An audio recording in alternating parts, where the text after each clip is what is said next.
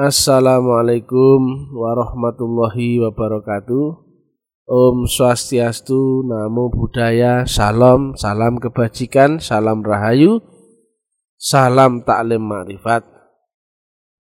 Kajian Metafisika Ilmiah Tasawuf Islam edisi yang ke-27 yang kita angkat adalah yang sampai yang berbalas apa pun itu prinsipnya jika kita mencari balasan dari tujuan misalkan tujuan A maka logikanya mesti sampai dulu apa yang kita hajatkan.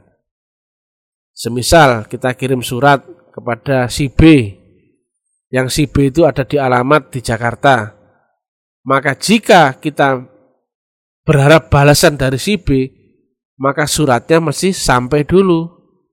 Karena logikanya, jika suratnya nggak sampai, maka nggak mungkin kita dibalas. Demikian juga dengan Allah Ta'ala. Maka jangan main-main tentang ibadah. Selama ibadahmu nggak sampai, engkau pun nggak akan berbalas. Berzikirlah engkau akan daku, niscaya aku akan berzikir akan engkau. Urusi urusanku, maka akan aku urusi urusanmu. Nah, reaksi Tuhan reaksi Allah itu terjadi ketika ada aksi kita, aksi manusia yang sampai baru akan berbalas reaksi. Itu baru menjadi hukum aksi reaksi. Aksi yang sampai akan memunculkan reaksi atau berbalas reaksi. Sedangkan aksi itu mesti lewat potensi yang ditembakkan. Sedangkan potensi mesti lewat energi maka ada urutannya energi menjadi potensi, potensi menjadi aksi, aksi yang sampai baru kemudian berbalas reaksi. Demikian juga dengan Allah Ta'ala. Tetapi sayang, karena kebanyakan orang sekarang tidak lagi memperdulikan kenal Allah atau tidak yang penting ibadah, maka besar kemungkinan 99,9% itu ibadahnya nggak sampai tapi kok berbalas? Entah itu berbalas ketenangan, entah itu berbalas dengan penghormatan dan sebagainya. Selama ibadah itu dikerjakan di dalam alam akal atau dunia, maka buah ketenangan dan sebagainya itu adalah karma dunianya. Dan itu bukan karma akhirat. Nah, karma dunia itu tidak bisa menembus Allah Ta'ala.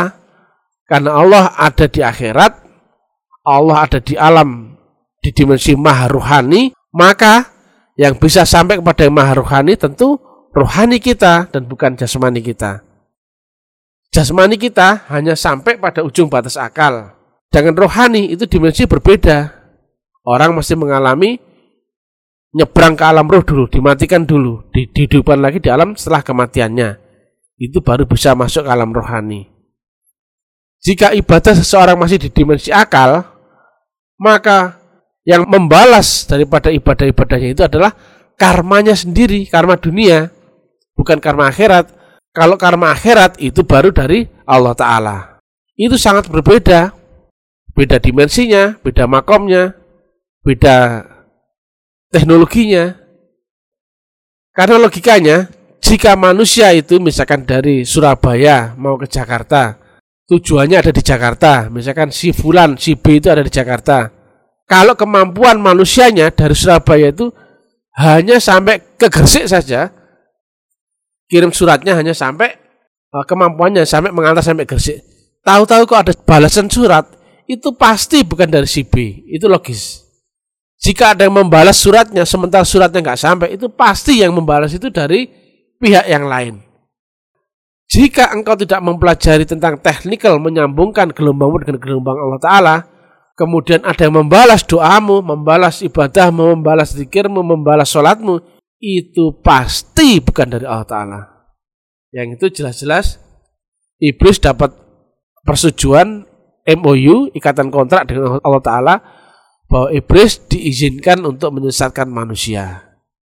Makanya dalam hal ini teknik ibadah itu nggak main-main, itu harus dipelajari sungguh-sungguh.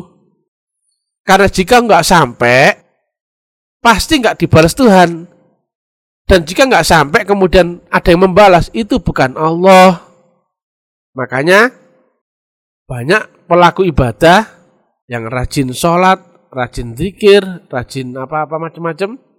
Rasa-rasanya hatinya tenang, kemudian rasa-rasanya sudah orang iman, orang Islam.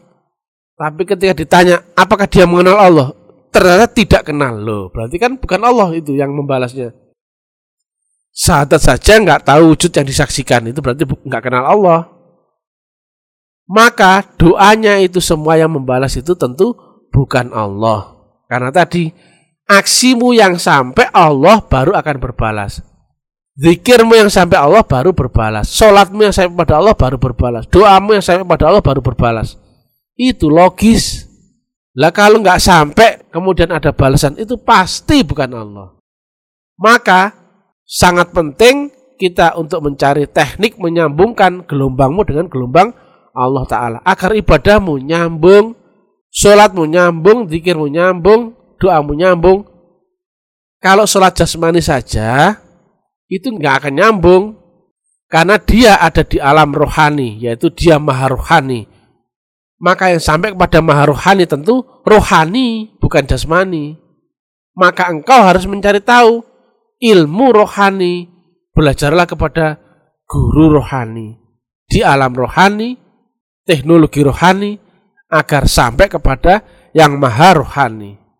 Kebanyakan kita karena terga, uh, terlanjur agama menjadi rutinitas ibadah, semua dikerjakan walaupun nggak tahu, nggak tahu asal usulnya, nggak tahu dari mana sanat ilmunya, diyakini, dipercaya padahal nggak tahu ujungnya ke mana ke mana ke mana. Padahal kalau kita menuju sesuatu yang metafisik itu sulit kecuali harus tahu gelombangnya. Apalagi Allah yang maha metafisik. Kalau kita nggak tahu gelombangnya nggak akan pernah nyambung. Semisal radio, kalau kita nggak setel frekuensi yang sama, gelombang yang sama itu nggak mungkin nyambung. Maka sekali lagi, hanya ibadah yang sampai yang akan berbalas. Berzikirlah engkau akan daku, Baru kemudian niscaya aku akan berpikir akan kau. Urusi urusanku, maka akan aku urusi urusanmu. Demikian yang bisa kami sampaikan. Mudah-mudahan manfaat. Salam taklim marifat, salam kebangkitan tasawuf ilmiah. Jangan lupa ikuti uraian kami.